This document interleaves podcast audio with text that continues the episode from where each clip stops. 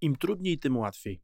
Zbliżają się kolejne wybory parlamentarne w Polsce i wielu z nas zapewne zastanawia się, co nas czeka po tych wyborach.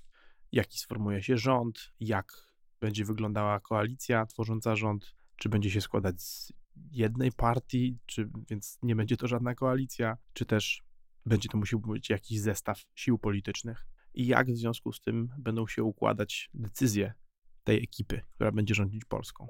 Ci z nas, którzy tak jak ja prowadzą biznesy, zastanawiają się też pewnie, jakie realne zmiany pojawią się dla przedsiębiorców. Czy ich życie się ułatwi, czy ich życie się utrudni. Przedsiębiorcy to jest taka grupa, która w Polsce nie ma za dobrej prasy. Szary lud, czy tudzież przeciętny Kowalski, uważa przedsiębiorcę za złodzieja i wyzyskiwacza.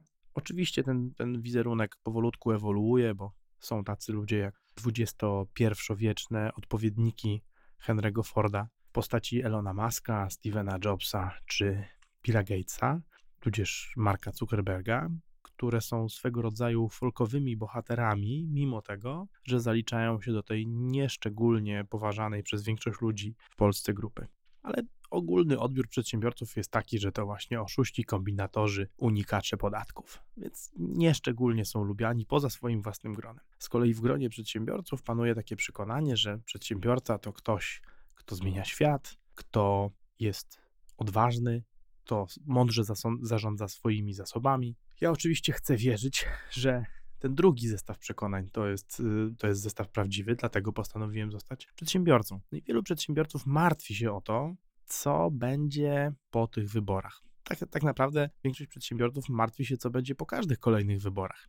Właściwie każda zmiana władzy w systemie demokratycznym niesie ze sobą ryzyko albo szansę na zmianę status quo, sytuacji prawnej, tycznego realizowania prawa, bo nie, niektórzy nie zmieniają przepisów, ale za to zmieniają podejście do ich stosowania. I przyszła mi taka myśl, słuchajcie, do głowy, że tak naprawdę to im trudniej, tym łatwiej. Jakiś czas temu, kiedy na tapecie była kwestia podatków i składek, lider obecnie rządzącej koalicji, Jarosław Kaczyński, stwierdził, że jeżeli ktoś nie potrafi sobie poradzić z warunkami panującymi w Rzeczpospolitej dla przedsiębiorców, to znaczy, że nie, da, nie nadaje się do bycia przedsiębiorcą. I wiecie co? I ku mojemu zaskoczeniu, i być może niektórych z Was, zgadzam się z tym stwierdzeniem. Jeżeli nie potrafisz się dostosować do warunków, jakie panują na rynku, to jaki z ciebie przedsiębiorca? No bo jeżeli wszyscy dookoła ciebie zaczną obniżać ceny, a ty nie będziesz mógł sobie z tym poradzić, bo na przykład oni obniżają cenę, ponieważ mają nową technologię, a ty masz starą technologię i w związku z tym, kiedy obniżysz cenę, przestaniesz zarabiać, no to przecież się nie będziesz buntować. Będzie ci przykro, będzie ci smutno, ale będziesz rozumiał, że ta sytuacja jest po prostu pewnym zjawiskiem, tak jak zjawisko atmosferyczne, no, burza, piorun. Nikt się nie oburza na burzę. Oczywiście nikt myślący nie oburza się na burzę. Ani nawet na ulewę, ani nawet na powódź. Kto się oburza na burzę, ulewę i powódź? Ludzie, którzy nie chcą brać odpowiedzialności za swoje życie, a przedsiębiorcy przecież biorą odpowiedzialność za swoje życie. A czym innym jest odpowiedzialność niż braniem konsekwencji tego, co nas spotyka? Bo to, co nas spotyka, w przetłaczającej większości, to są rzeczy, które sami na siebie jakoś sprowadziliśmy. Jak to? zapytacie z oburzeniem. Tak to. Część rzeczy sprowadzamy do swojego życia świadomie, podejmując działania, poznając odpowiednich ludzi, organizując swoje życie i wydając swój czas w taki sposób, żeby te rzeczy zaprosić. Inne rzeczy zapraszamy zupełnie nieświadomie, ponieważ nasza wiedza o świecie jest ograniczona i skończona, ograniczona naszymi zmysłami i skończona również dlatego, że nie ma sensu zdobywać pełni informacji, ponieważ i tak nasz mózg jest w stanie przetworzyć tylko jakąś ilość przy podejmowaniu decyzji. Co więc mam na myśli, mówiąc, że pełni odpowiadamy za to, co nas spotyka? No bo to tylko my będziemy się mierzyć z tym,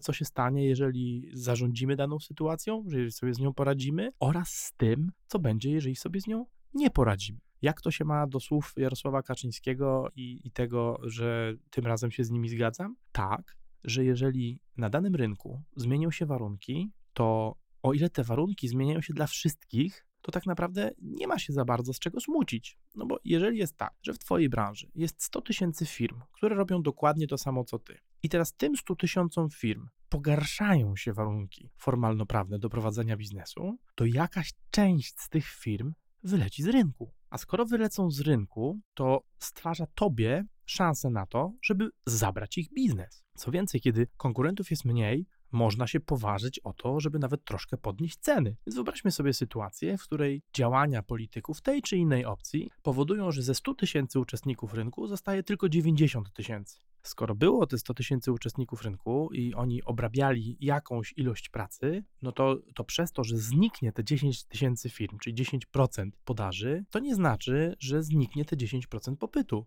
Popyt nadal tam będzie. A w związku z tym w najgorszym razie pozostałe 90 tysięcy przedsiębiorców rozdzieli między siebie popyt obsługiwany przez tą dziesiątkę, która wypadła z biznesu. A w lepszym scenariuszu, dzięki temu, że jest ich mniej, będą mogli podnieść cenę swojej usługi. W związku z czym być może skorzystać na tym jeszcze bardziej, bo nie dość, że będą w stanie uzyskać dodatkowych klientów, to jeszcze w dodatku od tych już obsługiwanych będą w stanie ściągać więcej pieniędzy. Jeżeli zaś ktoś nie potrafi sobie poradzić z tymi warunkami, czyli na przykład nie, nie potrafi wyłapać momentu, w którym wolno mu podnieść ceny, albo nie potrafi wyłapać momentu, w którym należy zmienić strukturę prawną, formalną, organizacyjną, kapitałową swojej firmy, to, to znaczy, że nie nadaje się do prowadzenia biznesu w nowo zaistniałych warunkach. To nie mówi nic o nim źle jako o człowieku. To nie mówi też nic źle o nim jako o przedsiębiorcy w poprzednim okresie funkcjonowania, ale do tego momentu, do tego czasu z nowymi zasadami najwyraźniej się nie nadaje, skoro daje się wyeliminować. To brzmi być może strasznie i tak ewolucyjnie wręcz. Natomiast, natomiast siłą rzeczy, jakby utrudnianie warunków prowadzenia biznesu powoduje, że firmy rosną, bo można powiedzieć, no, utrudnia się zazwyczaj prowadzenie biznesów mniejszych, bo większe biznesy praktycznie zawsze sobie w jakiś sposób poradzą. Oczywiście można sobie wyobrazić hardkorowy scenariusz, w którym zmiana prawa dąży w takim kierunku, żeby wręcz niszczyć firmy na rynku, na przykład po to, żeby zaprosić do, do partycypowania ich konkurentów z zagranicy.